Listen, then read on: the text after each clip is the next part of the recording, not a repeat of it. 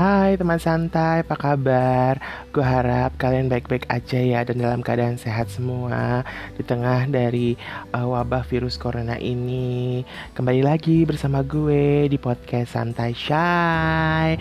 Nah, maaf nih kalau ada geluduk-geluduk nih suaranya nih Atau ada suara-suara ritik hujan Karena memang gue lagi bikin podcastnya nih kebetulan lagi hujan namanya juga bikinnya di rumah ya gitu. Jadi uh, ya begitu deh. Nah gue mau tanya nih sama teman santai ada nggak sih teman santai yang pecinta hewan atau memiliki kecintaan terhadap hewan? Hmm, kalau gue ya teman santai suka banget sama hewan peliharaan anjing jadi gue tuh suka banget yang namanya anjing sebenarnya. Nah, kita bicara hewan peliharaan ya. Jadi bukan hewan yang bukan peliharaan, seperti hewan liar atau hewan yang dilindungi yang semestinya mereka berada di habitatnya atau di alam liar. Nah, jadi bukan hewan-hewan yang dilindungi tuh, jangan yang di alam liar tuh bukan. Itu kan bukan hewan peliharaan gitu. Nah, hewan peliharaan tuh kan seperti kucing, anjing, kelinci, burung, ular atau jenis reptil ya kan atau uh, kadal atau toke atau iguana gitu-gitu kan juga termasuk dalam kategori reptil ya. Lalu ada hamster, marmut atau ikan. Pokoknya memang hewan yang memang pantas untuk kita pelihara. Uh, gede banget ya suara geledeknya. Iya namanya juga lagi hujan Jadi sengaja biar suasananya tuh suasana di rumah gitu kan Nah gue itu termasuk yang memang tergila-gila banget sama yang sama yang namanya uh, anjing. Ya sejak kecil tuh gue udah minta sama orang tua gue untuk pelihara anjing. Apalah daya rumah kami ketika itu ya rumah orang tua gue itu tidak memadai untuk pelihara hewan seperti anjing gitu. Khususnya anjing ya gitu khususnya anjing. Karena akhirnya gue cukup puas dengan pelihara ikan cupang dan beberapa ikan lainnya. Ketika itu ya ketika gue masih kecil. Nah waktu gue kecil itu kan rumah gue tuh ada tukang ikan keliling tuh. Uh, buat kalian teman santai yang eranya sama sama gue ya yang tinggalnya di komplek perumahan yang ada di pinggiran Jakarta atau di kawasan perumahan yang bukan mewah nih. Maaf teman santai bukan bermaksud apa-apa nih ya gitu kan. Biasanya ada tukang ikan keliling. Jadi ikan hias keliling tuh ya biasa menjajakan ikannya uh, ikan jualannya mereka. Itu dari ikan cupang ikan mas koki ikan ikan lele hias bahkan sampai pokoknya ikan-ikan hias lah yang kecil-kecil yang kayak gitu-gitu deh yang biasanya kita bisa pelihara di akuarium atau cuman uh, kita pelihara di semacam bowl bening kayak gitu. Nah itu tuh tukang tukang jual ikan keliling tuh ada gitu. Atau kalian yang suka ikut ibunya atau mamanya ke pasar dan suka ngeliat tukang jual ikan hias di pasar bukan ikan lele atau ikan mas ya yang ditangin mama kalian ya. Yang akhirnya ikan-ikan itu menjadi ikan goreng atau ikan dimasak arsik di rumah. Bukan seperti itu. Nah gue suka juga tuh sama ikan. Jadi pada dasarnya gue suka hewan sebenarnya. Cuma memang gue nggak suka reptil atau serangga. Bicara serangga gue ada temen yang pelihara serangga hias. Jadi seperti laba-laba tarantula tuh ada. Ada beberapa gue nggak tahu ya uh, yang pelihara apa sihnya uh, serangga yang bisa dipelihara kita tuh uh, apa aja tuh gue gua nggak terlalu nggak terlalu tahu. Yang gue tahu sih memang ada orang yang mencint, uh, mencintai uh, serangga. Salah satunya adalah laba-laba uh, tarantula itu. Jangan salah loh teman santai ya. Serangga yang menjadi peliharaan tuh mahal mahal banget. Kayak tarantula gitu kan harus diimpor dari luar negeri ya kan? Karena setahu gue di Indonesia tuh bukan habitatnya gitu kan. Tapi ada nggak ya jenis tarantula di Indonesia Coba deh teman santai yang dengerin kabarin gue ya. Ada nggak jenis laba-laba tarantula yang hidup di Indonesia? Setahu gue sih ada, tapi namanya bukan tarantula, tapi memang kategorinya mirip-mirip dengan uh, tarantula gitu kan. Nah, baik lagi sama hewan peliharaan. Nah tuh karena rumah orang tua gue yang kecil itu, akhirnya gue tuh memilih untuk pelihara ikan gitu. Dulu gue inget banget ya beli ikan cupang yang gak terlalu besar, warnanya tuh biru. Beli di pasar yang kebetulan pasar itu deket sama sekolahan gue waktu kecil. Jadi waktu kecil tuh gue sekolahnya agak jauh dari rumah, mesti naik angkot. Karena gue sekolahnya di Bekasi ya mungkin kalau kalian yang tinggal di Bekasi tahu deh sekolahan gue itu sebelahnya terminal Bekasi gitu. Nah di seberangnya itu ada pasar, nah di pasar itu ada tukang jual ikan. Nah gue suka beli ikan di situ gitu. Nah ketika itu gue beli ikan itu di pasar tersebut gitu.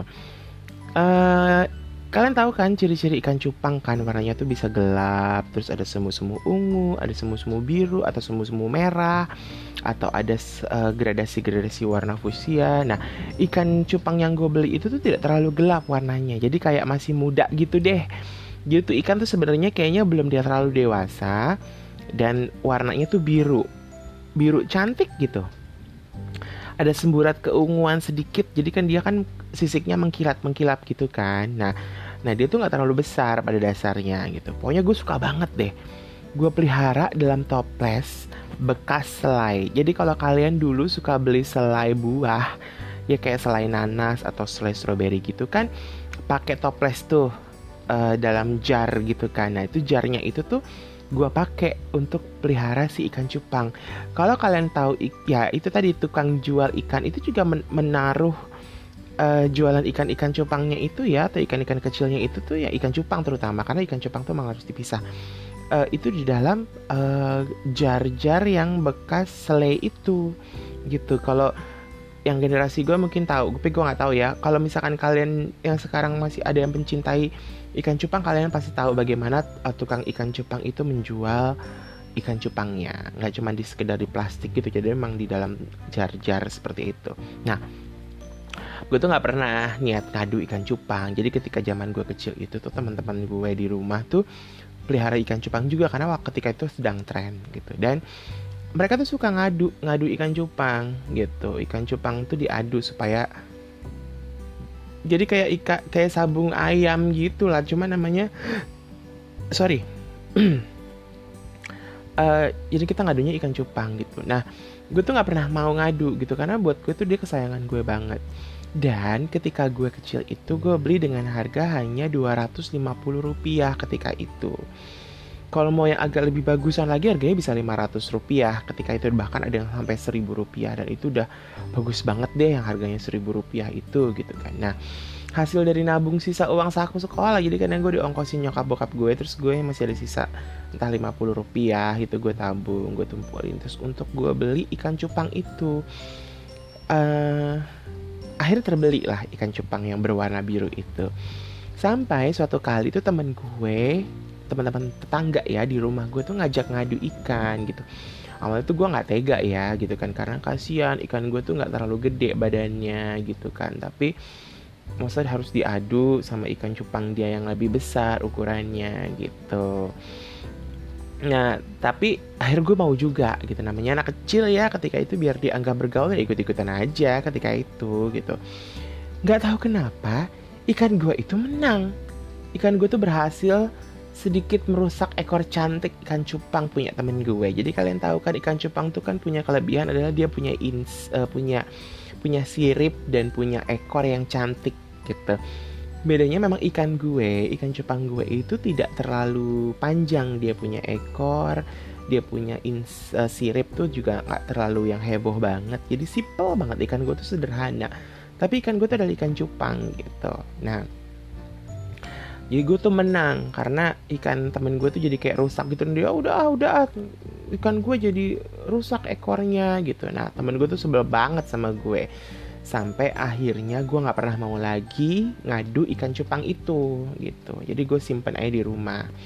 Nah ada lain kesempatan gue akhirnya punya duit lagi ya nabung lagi gue beli lagi ikan cupang yang warnanya agak sedikit lebih gelap gitu. Ukurannya memang tidak se istilahnya gitu tidak sama dengan yang sudah gue punya gitu kan memang. Tapi dia punya punya ekor yang agak cukup cantik gitu kan yang warnanya tuh agak kehitaman semburat-semburat ke warna ungu fusia ke biru kayak gitu deh Pokoknya ikan cupang tuh memang cakep banget deh sebenarnya ya. Nah, punyalah gue dua ikan cupang di rumah gitu.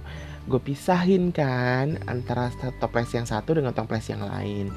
Memang tuh gue nggak pernah Uh, jadi gini, kalau tukang jual ikan cupang itu kan antara toples satu dengan toples yang lainnya itu kan ditutup dengan kertas, biar ikan itu tuh tidak kayak diajak kayak ketemu lawannya itu kayak mau berantem gitu loh. Jadi ke dia me me melebarkan insangnya gitu loh. Ikan cupang kan punya kecenderungan seperti yang melebarkan insangnya melebarkan siripnya dan melebarkan ekornya kayak gitu. Nah itu jangan sampai kebiasaan itu uh, terus terjadi. Artinya mereka tuh bisa stres kalau mereka tuh seperti itu terus. Jadi harus dipisah lah pokoknya setahu gue seperti itu. Nah entah gimana ketika itu gue tuh harus ngebersihin sama nyokap gue tuh disuruh bersihin tuh toplesnya. Kalian mau pelihara ikan kamu harus bersihin toplesnya. Karena kan kadang-kadang gue suka emang karena gue suka kasih makan nih si sesama makanan tuh masih jadi bikin si itu tuh kotor gitu. Mau nggak mau ikan cupang itu ya gue satuin gitu. Awalnya sih kayak mau berantem gitu tapi nggak berantem gitu. Gue juga bingung kenapa ikan gue tuh nggak sampai berantem nih dua nih gitu. Eh yang dilalah kok. Ya gue baru tahu ya. Uh, ikan cupang gue yang peli yang gue beli pertama itu tuh yang nggak terlalu besar itu ternyata adalah betina. Dan yang gue beli kedua itu adalah ternyata ikan cupang jantan gitu. Nah terus akhirnya gue pelihara ikan cupang yang kepisah itu uh, satu kali gue satuin tuh ikan cupangnya gitu. Nggak tahu kenapa pokoknya gue satuin aja deh tuh ikan gitu. Dan ternyata ikan itu kawin. Dan si betina yang gue beli pertama itu akhirnya hamil gitulah istilahnya. Dan dia bertelur. Itu telurnya banyak banget. Sampai tuh telurnya tuh netes netes tuh gue tuh punya tuh uh, ikan-ikan cupang kecil-kecil gitu di dalam toples yang gede itu tuh yang bi yang udah nggak dipakai nyokap gue untuk naruh biskuit atau cookies Natal ya gitu kan. Itu banyak banget. Tapi gue harus memisahkan si jantan karena si jantan ini suka makanin telurnya. Jadi mungkin dianggapnya anaknya eh dianggapnya makanan kali ya atau gimana gitu. Tapi gue juga sempat misahin induknya juga gitu kan tapi pokoknya gimana gue lupa ya kejadian itu sampai akhirnya semua anak-anak ikan itu tuh mati. Gitu. Jadi ya nggak berhasil ada yang nggak berhasil netes ada juga yang nggak bertahan setelah menetas gitu. Jadi kalau ikan ikan ikan bertelur tuh tuh bentuknya kayak busa-busa gitu deh. Gitu. Jadi di dalam busa-busa itu ada telur-telur itu gitu. Nah pokoknya banyak banget lah gitu ketika itu uh, ya namanya juga anak kecil ya pelihara ikan ya sibuk aja gitu main atau sekolah. Jadi kadang-kadang suka nggak diperhatiin gitu. Pokoknya sampai akhirnya kedua ikan itu mati aja. Pokoknya ikan itu mati aja dua itu nah terus gue nggak puas tuh. Gue beli lagi ikan model lain. Kayak minta ikan ikan mas seperti ikan koi kecil gitu loh. Tapi ikan mas ikan mas hias gitu. Terus beli ikan lele kecil yang warnanya putih kayak gitu tuh taruh lagi di toples emang dasar anak kecil ya. Gue tuh cuma suka iseng gue tuh emang, emang binatang tuh gemes banget gitu. Suka lah tuh kadang-kadang gue keluarin dari toples gue taruh lah di lantai tuh lantai keramik rumah gue. Jadi dia kayak dia berjalan menggeliat gitu doa ini bisa jalan di lantai gitu. Padahal tuh nggak boleh ya. Itu bikin ikan ikan tuh tersiksa. Namanya juga anak kecil gitu kan. Jadi yang nggak ngerti apa apa nah dah tuh kan emang gue tuh iseng banget ya orang gue ngeliat akuarium tuh tangan atau kecil banget ya lebih kecil lagi dari itu ya tuh kalau ngeliat akuarium tangan gue bisa masuk loh ke akuarium untuk megang-megang ikan. Jadi tuh gue pengennya tuh megang gitu jadi bukan cuma dilihat tapi ikan hias tuh kan emang enaknya kan dilihat ya. Tapi gue tuh nggak gue maunya dipegang ketika kecil tapi nyokap gue kan nggak boleh megang ikan. Jadi kalau gue ke rumah saudara gue yang punya akuarium hias yang bagus banget itu gue itu hanya boleh ngeliat dan gak boleh tangannya masuk gitu. Karena uh, akuarium itu bagus gitu kan. Terus ada lampunya ada pengatur udaranya ada hiasannya gitu kan. Nyokap gue tuh nakutin nakutinnya gini itu ada listriknya jadi kalau kamu main-main tangannya masuk ke situ nanti kamu bisa kesetrum. Dan gue punya trauma dengan kesetrum jadi akhirnya memang gue nggak pernah lagi untuk ngobok-ngobok akuarium orang jadi gitu ya kan? Pokoknya gue tuh beberapa kali deh beli ikan dan berakhir mati. Karena ulah gue sendiri sih sebenarnya gitu. Dan uh, nyokap gue tuh akhirnya udah ngelarang gak usah pelihara ikan lagi deh kayak gitu. Gak ada yang ngurusin gitu. Kamu juga malah uh, apa namanya ngeribetin mamah juga apa segala macam. Ya udah gue nurut aja gitu. Pokoknya sepanjang hidup gue itu gue cuma pelihara ikan ketika kecil ya. Nah Sementara hewan di rumah itu tuh ada selain ikan, jadi burung peliharaan bokap gue. Bokap gue itu tuh memang uh, pencinta burung hias. Jadi dulu bokap gue tuh pelihara namanya burung jalak dan burung poksai. Jalak tuh ada dua jenis, ada yang warnanya hitam, ada yang jalak Bali. Jalak Bali tuh warnanya putih. dan juga burung poksai poksai ada poksai jambul ada yang poksai biasa dan mereka tuh berkicau dengan kalau pagi tuh berkicau jadi rumah gue tuh selalu ada kicauan burung tiap pagi. Jadi ketika burung-burung itu dikeluarin kandangnya dikeluarin dari dalam biasanya kan memang kalau malam dimasukin ke rumah supaya nggak dicolong orang gitu kan. Jadi taruh di luar dan mereka berkicau tiap pagi. Itu kicauannya tuh bisa dari pagi sampai siang. Dan siang hari mereka biasanya uh, tidur terus nanti sore hari mereka berkicau lagi. Nah ketika bokap gue itu meninggal kedua burung itu pun ikut meninggal. Istilah gini ikut ikutan mati gitu. Jadi waktu bokap gue meninggal padahal ama, uh, padahal ya nyokap gue gue itu juga ngurusin. Setelah bokap gue meninggal peninggalan burung peliharaan itu kita urusin gitu. Nggak kita diemin aja tapi akhirnya meninggal gitu. Ya mungkin karena saking cintanya ya bokap gue sama peliharaannya dan peliharaan itu ngerti banget siapa tuannya. Jadi kalau gue ngasih makan tuh gue sendiri patok tapi kalau bokap gue tuh nggak pernah dipatok. Entah kenapa bisa gitu. Itu jadi sempat bokap juga. Nah ketika itu juga sempat bokap tuh pelihara burung murai batu gitu. Sampai beli tuh kandangnya khusus. Kalau murai batu tuh punya harus punya kandang yang khusus yang tinggi terus ada batunya apa kayak gimana gitu.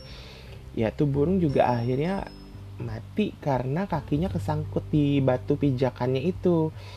Yang memang dipasang di kandang. Jadi setiap pandangnya itu ada ada batunya pokoknya baru ketahuannya pagi deh terus bokap gue tuh yang kayak sedih gitu deh burungnya mati. Karena harganya nggak murah. Murai batu tuh nggak murah dulu tuh beli tuh. Berapa harganya? Berapa ratus ribu ketika itu? Yang nggak tahu sekarang udah berapa juta gitu kan. Pokoknya tuh keluarga gue tuh cukup sukses ya pelihara binatang gitu. Jadi kita tuh punya tangan dingin. Karena nyokap gue tuh ngerawat tanaman tuh tumbuh mengawal aja tumbuh tetangganya nggak pernah ada yang tumbuh. Itu nah kakak gue tuh dulu punya dua pasang burung dara juga jadi kita dia punya dua pasang gitu. Uh, jadi sempet tuh bikin kandang di rumah kandang burung dara gitu kan. Jadi uh, itu tuh jadi kalau kakak gue pulang sekolah tuh suka yang namanya uh, nyari apa ya bahasanya ya? Mungkin tahu nggak ya kalau anak-anak nyari bandangan? Nyari bandangan itu artinya adalah kita menarik burung dara yang lain untuk ngikutin burung dara kita dan burung dara yang ngikutin burung dara kita itu jadi milik kita gitu. Itu namanya bandangan gitu dulu. Kalau nggak salah tuh. Pokoknya gitu deh gitu judulnya. Nah uh, apa namanya? Dan gue juga dulu sempat atau ketika gue pulang ke Solo tuh gue minta burung perkutut sama nyok sama nenek gue gitu sama mbak sama eyang gue di di Solo. Memang bawa tuh dari Solo ke Jakarta gitu kan disimpan gitu dan memang burung perkutut itu tuh sempat bertahan sih gitu. Maksudnya memang kita tuh nggak pernah yang cuman pelihara burung sebulan dua bulan terus mati nggak bertahan lah gak lama gitu. Jadi memang matinya biasanya karena kelupaan atau lepas atau diminta orang atau uh, ya dibeli orang lah gitu. Nah uh, soal burung dara lagi ya uh, peliharaan kakak gue tuh burung darahnya tuh sempet bertelur. Karena kan memang kita kalau pelihara burung dara tuh harus sepasang ya kalau nggak salah jadi jantan ada betina jantan ada betina kayak gitu. Jadi jadi kita itu burung dara sempat bertelur gitu kan. Dan kalau nggak salah karena si burung darahnya juga kita juga nggak telaten untuk untuk ini ya untuk ngerawat si burung darahnya tuh juga akhirnya telurnya kalau nggak salah dimakan tikus apa gimana lah pokoknya nggak jadi aja tuh telurnya gitu. Nah akhirnya tuh burung dara karena kakak gue udah mulai sekolahnya SMA dan sekolahnya jauh tuh burung dara akhirnya dijual sama nyokap gue gitu kan. Selain dijual juga karena rumah tuh jadi agak kotor karena kotoran burung dara itu kan ya namanya burung namanya juga hewan ya gitu kan hewan uh, unggas gitu. Dia buang buang kotoran ya di mana aja kayak gitu. Jadi pokoknya cukup lama sih pelihara burung dara itu gitu. Karena juga selain itu juga agak dilupakan. Jadi akhirnya menyokap gue dijual aja. Udah siapa yang mau beli dia beli dah gitu. Ya, ya akhirnya yang tersisa adalah memang peliharaan bokap gue gitu si burung-burung. Bokap gue tuh emang suka burung namanya orang Jawa ya suka banget pelihara uh, hewan peliharaan itu burung gitu. Ya seperti gue cerita tadi sampai akhir ayatnya bokap ya burung itu peliharaannya juga ikutan mati gitu. Nah kalau teman santai uh, tahu ya kalau suka nonton di YouTube beberapa vlogger yang menampilkan hewan peliharaan pasti tahu kan? Ada Bima Aryo dengan Golden Family ya bersama dengan Golden Retrievernya si Snowy dan si Snowa. Atau juga dengan Belgian Malinoisnya si Sparta dan Anubis gitu kan. Lalu ada lagi Ezron Tarigan uh, humble humble speak uh, humble, humble spiker. Dia bersama si uh, Spike ya anjing jenis Alaskan Malamutnya tuh gitu tuh kalau kalian tahu. Dan juga uh, satu lagi tuh siapa ya yang betinanya kalau nggak salah namanya Nala. Mm -mm. jadi Spike dan Nala gitu. Ada juga ada vlog juga dunia anjing kita.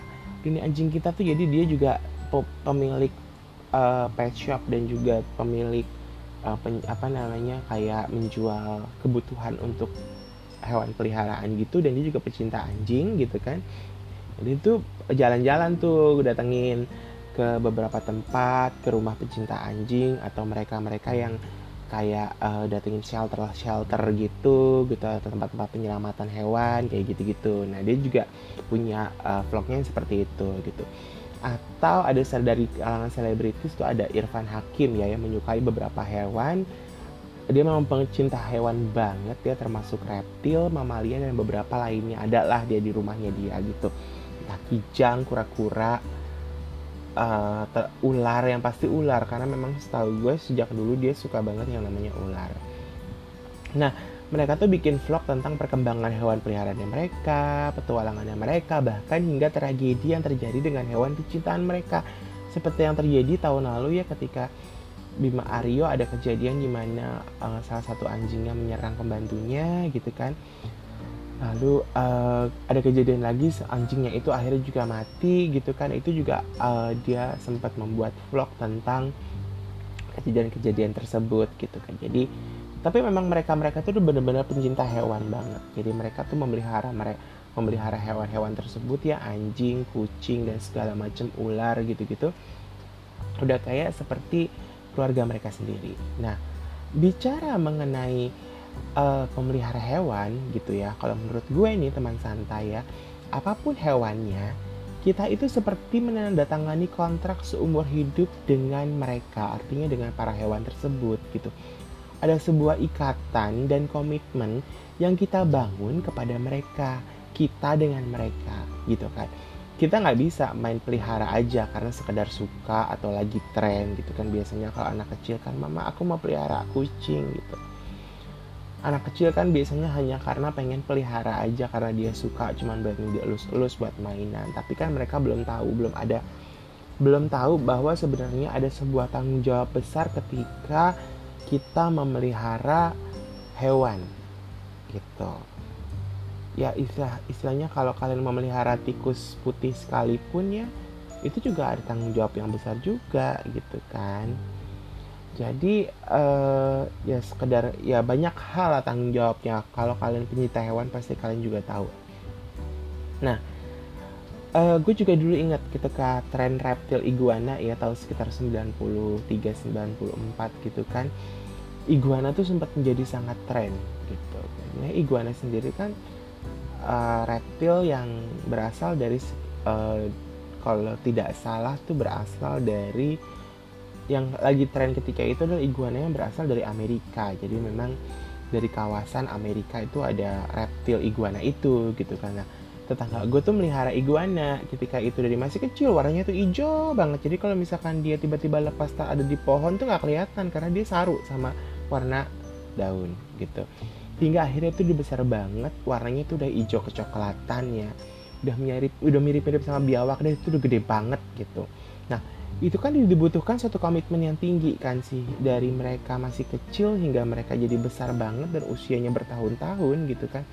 Nah itu kan dibutuhkan satu komitmen yang tinggi gitu. Sepertilah kita manusia ini kita menikah. Kita menikah uh, di hadapan agama dan juga negara menandatangani surat nikah atau buku nikah sebagai bagian dari pernyataan komitmen kita seumur hidup bersama dengan pasangan kita atau partner kita.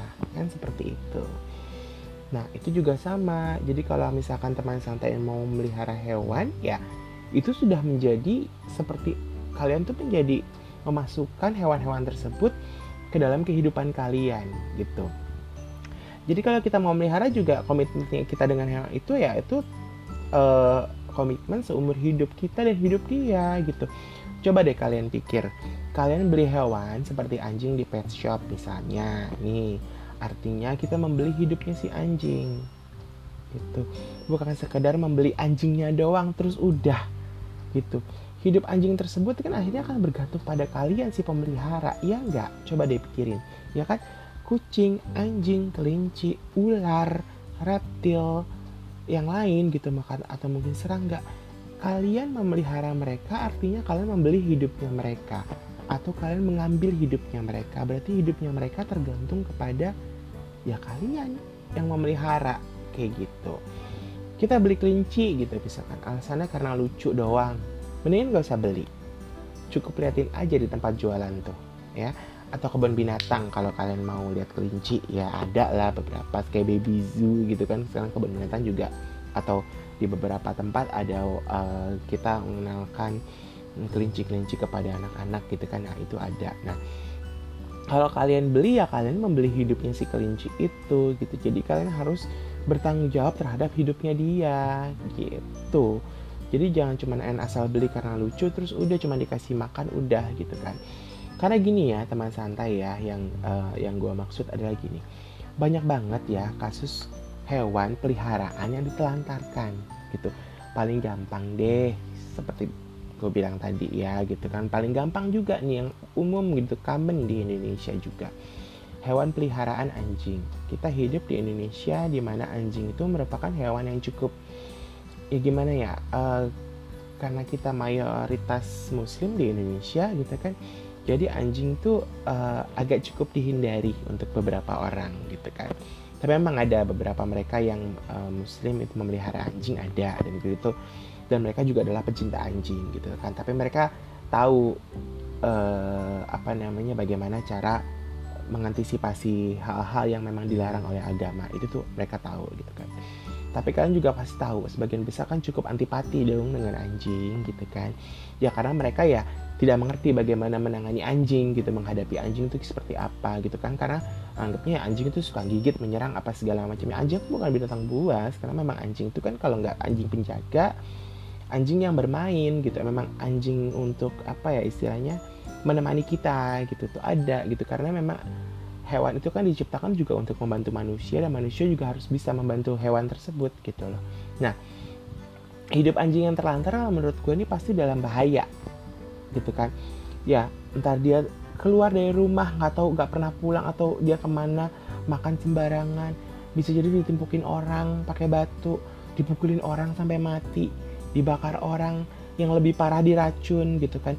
Yang lebih parahnya lagi ada beberapa di daerah di Indonesia ya anjing itu dikonsumsi atau dimakan. Jadi ada beberapa orang yang berburu anjing di sekitaran perumahan untuk dijual ke tempat makan gitu. Nah itu kan lebih bahaya lagi gitu kan. Jadi kalau kalian sudah memutuskan memiliki anjing dia dipelihara bukan cuma punya doang. Jangan kalian menganggap banyak duit beli hewan untuk kayak-kayaan tapi kalian gak bertanggung jawab terhadap hidup para hewan tersebut gitu.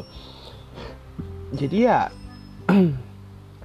menurut gue ya kalian tuh jangan jangan kayak gitu gitu karena beberapa orang yang aktif dalam penyelamatan hewan tuh sering banget menemukan kasus penyiksaan hewan atau penelantaran hewan. Entah orang yang nggak sanggup lagi melihara pindah domisili atau udah nggak peduli lagi sama anjingnya atau peliharaannya gue juga sering banget ngelihat kucing-kucing ras gitu tuh berkeliaran di jalanan gitu ya. Mungkin entah dia kabur atau entah dia uh, udah nggak dipeduliin lagi sama yang punya bisa jadi seperti itu gitu. Kalau misalkan nggak dipeduliin lagi sama yang punya ya itu udah kebangetan. Kalau kabur ya biasanya sih pemilik akan mencari. Banyak banget kok sosial menggunakan sosial media bahwa kehilangan anjing kehilangan kucing ya pokoknya mereka kehilangan anabul. Ya ini ini anabul adalah kasus untuk anak anak berbulu ya gitu kan. Eh, hewan-hewan yang berbulu kan. Kalau ular kan kita masih uh, istilahnya masih bisa terawasi gitu karena pergerakan mereka yang cukup lambat gitu. Tapi juga udah tapi juga kalau pelihara ular atau serangga juga memang harus diperhatiin jangan sampai mereka lepas kayak gitu kan. Nah karena kan ada beberapa yang juga takut dengan um, ular gitu. Nah uh, balik lagi ya kepada uh, aktivis penyelamatan hewan itu ya. Gue tuh uh, kasus tersebut tuh banyak gitu kan. Memang anjing-anjing yang terlantar yang tiba-tiba ada di jalan di mana nggak tahu punya siapa pokoknya seperti itu. Bahkan akhirnya mereka bergaul dengan uh, kucing-kucing atau anjing-anjing liar yang ada di di sekitaran gitu. Jadi mereka akhirnya tidak terurus gitu. Nah pada dasarnya gue tuh pengen banget ya punya anjing gitu kalau berkaca dari kejadian ini gue sering banget baca gitu kan bagaimana dan penyuluhan mengenai gimana sih uh, kita harus pelihara hewan pelihara anjing lah terutama karena gue suka banget sama anjing. Itu memang butuh komitmen. Ya tadi gue bilang komitmen yang tinggi. Nah cuma tuh gue belum siap secara materi dan tempat juga gitu kan. Kasihan kalau mereka harus menderita karena gue gitu kan. Mereka tuh layak hidup bahagia loh teman santai. Karena kan mereka juga ciptaan Tuhan gitu. Jadi gue ngerasa bahwa gue belum siap berkomitmen untuk memelihara anjing. Jadi gue tidak melihara anjing sekarang. Jadi kalaupun ada anjing ya paling gue suka ngelus-ngelus punya temen gue ke atau punya saudara gue ke atau kayak gimana. Itu gue suka gitu. Nah eh uh, gue tuh suka nangis ya teman santai ya. Kalau ada hewan tuh celaka karena disiksa oleh manusia gitu kan. Atau mungkin nggak sengaja mereka uh, istilahnya mereka meleng gitu terus tiba-tiba ke, ke ketabrak mobil lalu mereka jadi cacat kayak gitu. Gue tuh suka kasihan kayak gitu kan. Nah gue tuh nggak tahu apakah undang-undang di Indonesia tentang penyiksaan hewan tuh benar-benar diberlakukan atau enggak atau hanya para aktivis hewan? Uh, gini loh hanya supaya para aktivis hewan tuh diem dia banyak nuntut gitu. Tapi buktinya banyak aktivis hewan ya itu masih terus menyuarakan tentang hak hewan dan undang-undang tentang penyiksaan hewan gitu. Sempat ada kasus mencuat di mana seorang pria menyiram bayi anjing dan induknya dengan air keras. Jadi ada sekitar ada ada seekor anjing melahirkan empat ekor anak gitu kan. Terus semuanya tuh disiram air keras tuh sama si bapak ini gitu. Sempat diselamatkan sampai akhirnya mati semuanya gitu ya dan sempat juga ada kabar induknya juga sempat sekarat dan gua nggak tahu kabarnya lagi gimana gitu. Pokoknya induknya pun juga jadi cacat gitu. Jadi karena lo bayangin aja mereka berbulu disiram air keras kulitnya mereka jadi melepuh akhirnya kan tidak bisa numbuhin mereka uh, bulu nggak bisa numbuh lagi di, di kulitnya mereka gitu. Itu itu butuh butuh suatu apa ya istilahnya pengobatan yang lama buat mereka. Itu menyiksa mereka gitu loh. Karena mereka memang hewan makhluk Tuhan yang diciptakan dengan bulu untuk melindungi tubuhnya mereka kayak gitu. Jadi itu kasus sempat emang heboh gitu. Sempat di dunia maya juga beberapa pencinta hewan atau beberapa netizen juga menghujat kelakuan dari si uh, pria ini gitu kan. Memang sih akhirnya pelaku ditangkap gitu kan. Tapi gue tuh kurang tahu kurang ikutin bagaimana perkembangan kasusnya seharusnya nih ya teman santai bila dia di penjara nih dan dia keluar dari penjara setelah dia menyelesaikan masa hukumannya hidup dia tuh harus terus diawasi karena bisa aja nih dia merembet mencelakai manusia karena di negara barat seperti Amerika contohnya. Apabila ada seseorang kedapatan menyakiti hewan, dia akan diawasi oleh pihak kepolisian atau dinas yang terkait. Karena bisa jadi ada indikasi nih mereka tuh bisa ke depannya akan mencelakai orang. Gitu. Gue sih nggak ngerti ya kalau anak-anak kecil tuh banyak banget jiksa hewan ya gue tuh kan karena gue juga tinggal di dalam satu gang gitu ya di kawasan permukiman gitu di tengah Jakarta ya nggak tahu gimana orang tuanya ngajarin ya gue tuh kadang-kadang suka ngeliat kucing diikat lehernya pakai tali anak kucing diseret-seret bahkan ada yang lebih jahat pernah gue lihat pemuda melempar anak anjing um, dikasih umpan ke buaya gitu kan. Mereka tertawa aja gitu senang-senang ngeliat anjing terus diterkam buaya. Itu ada videonya ketika itu gue lihatnya di video. Jadi bukan di daerah Jakarta ya pokoknya di daerah yang lain gitu. Nah buaya memang butuh makan tapi bukan berarti kan harus melempar anak anjing ke buaya gitu kan. Itu kan namanya ya itu penyiksaan hewan gitu kan. Kasus-kasus kekerasan hingga penelantaran hewan tuh banyak terjadi memang di kawasan permukiman ya gue nggak mau perpanjang dia bahas permukimannya gitu kan teman santai pikirin sendiri aja permukiman permukiman kayak gimana yang kesadarannya, yang tingkat kesadarannya akan banyak hal nggak terlalu tinggi gitu. Agak bahaya sih sebenarnya orang yang suka menyiksa hewan. Tadi gue bilang ada akan ada indikasi kepada menyiksa sesama manusia juga nantinya gitu dengan entah melakukan tindakan kekerasan atau kriminal atau membunuh atau kayak gimana itu bahaya gitu kayak gitu ya seperti tadi kasus pria menyiram uh, air keras kepada anak anjing dan kepada anjing induknya itu gitu. Itu itu, itu perlu diawasi gitu kalau apabila dia sudah menyelesaikan masa hukumannya gitu kan. Makanya memang perlu undang-undang atau peraturan yang jelas tentang hewan karena kan bagian masyarakat masih menganggap ya hanya persoalan hewan aja pakai diributin gitu kan. Padahal hewan-hewan itu kan juga butuh hidup yang layak juga gitu kan. Mereka juga butuh hak karena mereka kan hidup di muka bumi ciptaan Tuhan juga berbarengan juga istilahnya berdampingan juga dengan manusia gitu. Jadi manusia harus menjaga juga gitu loh. Nah teman santai ada baiknya kalian yang ingin memelihara hewan nih? Ini sih gue sih saranin aja ya terserah kalian mau terima apa enggak. Pokoknya apa pun hewannya apa pun hewan peliharaan kalian kalian harus siap lahir dan batin. Artinya materi dan tempat yang memadai serta komitmen sumber hidup dengan para hewan yang lain ya, istilah gini hewan yang uh, ingin kalian pelihara gitu kan. Sekali lagi gue bilang kalian mengadopsi misalkan ada yang adopsi atau memelihara hewan berarti kan kalian juga membawa hidup mereka ke dalam hidup kalian gitu. Jadi berikan mereka kehidupan yang layak seperti keluarga kalian sendiri gitu. Mereka makhluk hidup butuh kasih sayang dan juga perhatian. Bukan cuma sekedar makan doang gitu. Makanan juga harus diperhatiin makanan yang tepat untuk mereka apa jangan main asa kasih makan aja. Kalian kasih makan sisa-sisa makanan kalian juga sebenarnya itu nggak sehat untuk hewan peliharaan gitu. Jadi terutama mereka yang ras ya yang istilahnya mereka punya bukan keturunan-keturunan asli atau eh, hewan-hewan uh, asli dari Indonesia itu kan nggak mungkin makan makanan yang kita makan dan memang makanan manusia dan makanan hewan itu berbeda gitu. Jadi ya kalian jangan pernah ngasih jangan pernah ngasih sisa makanan kalian juga gitu. Memang harus kalian perhatikan makanannya kayak gitu kan. Terus uh, kesehatan mereka bahkan kebersihannya juga mereka wajib kita perhatikan gitu kan. Jadi kita harus sering bawa juga ke dokter hewan atau ke pet gitu kan. Ke vet lah istilahnya.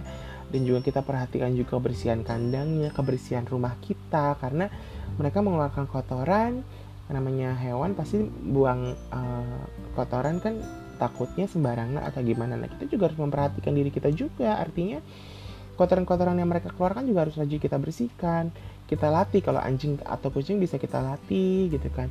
Kalau ular juga bagaimana kita harus sering bersihin kandangnya gitu kan. Kalau serangga juga bagaimana mereka dapat udara atau dapat sinar matahari yang baik atau kayak gimana seperti itu. Jadi memang harus benar ada tanggung jawab dan komitmen yang tinggi untuk memelihara hewan. Gitu. So teman santai siapkah kalian memiliki sebuah komitmen seumur hidup dengan makhluk lain? Bila kalian mau memiliki hewan peliharaan. Kalau kalian berani menikah harusnya kalian berani juga bila harus berkomitmen dengan hewan peliharaan. Salam santai shy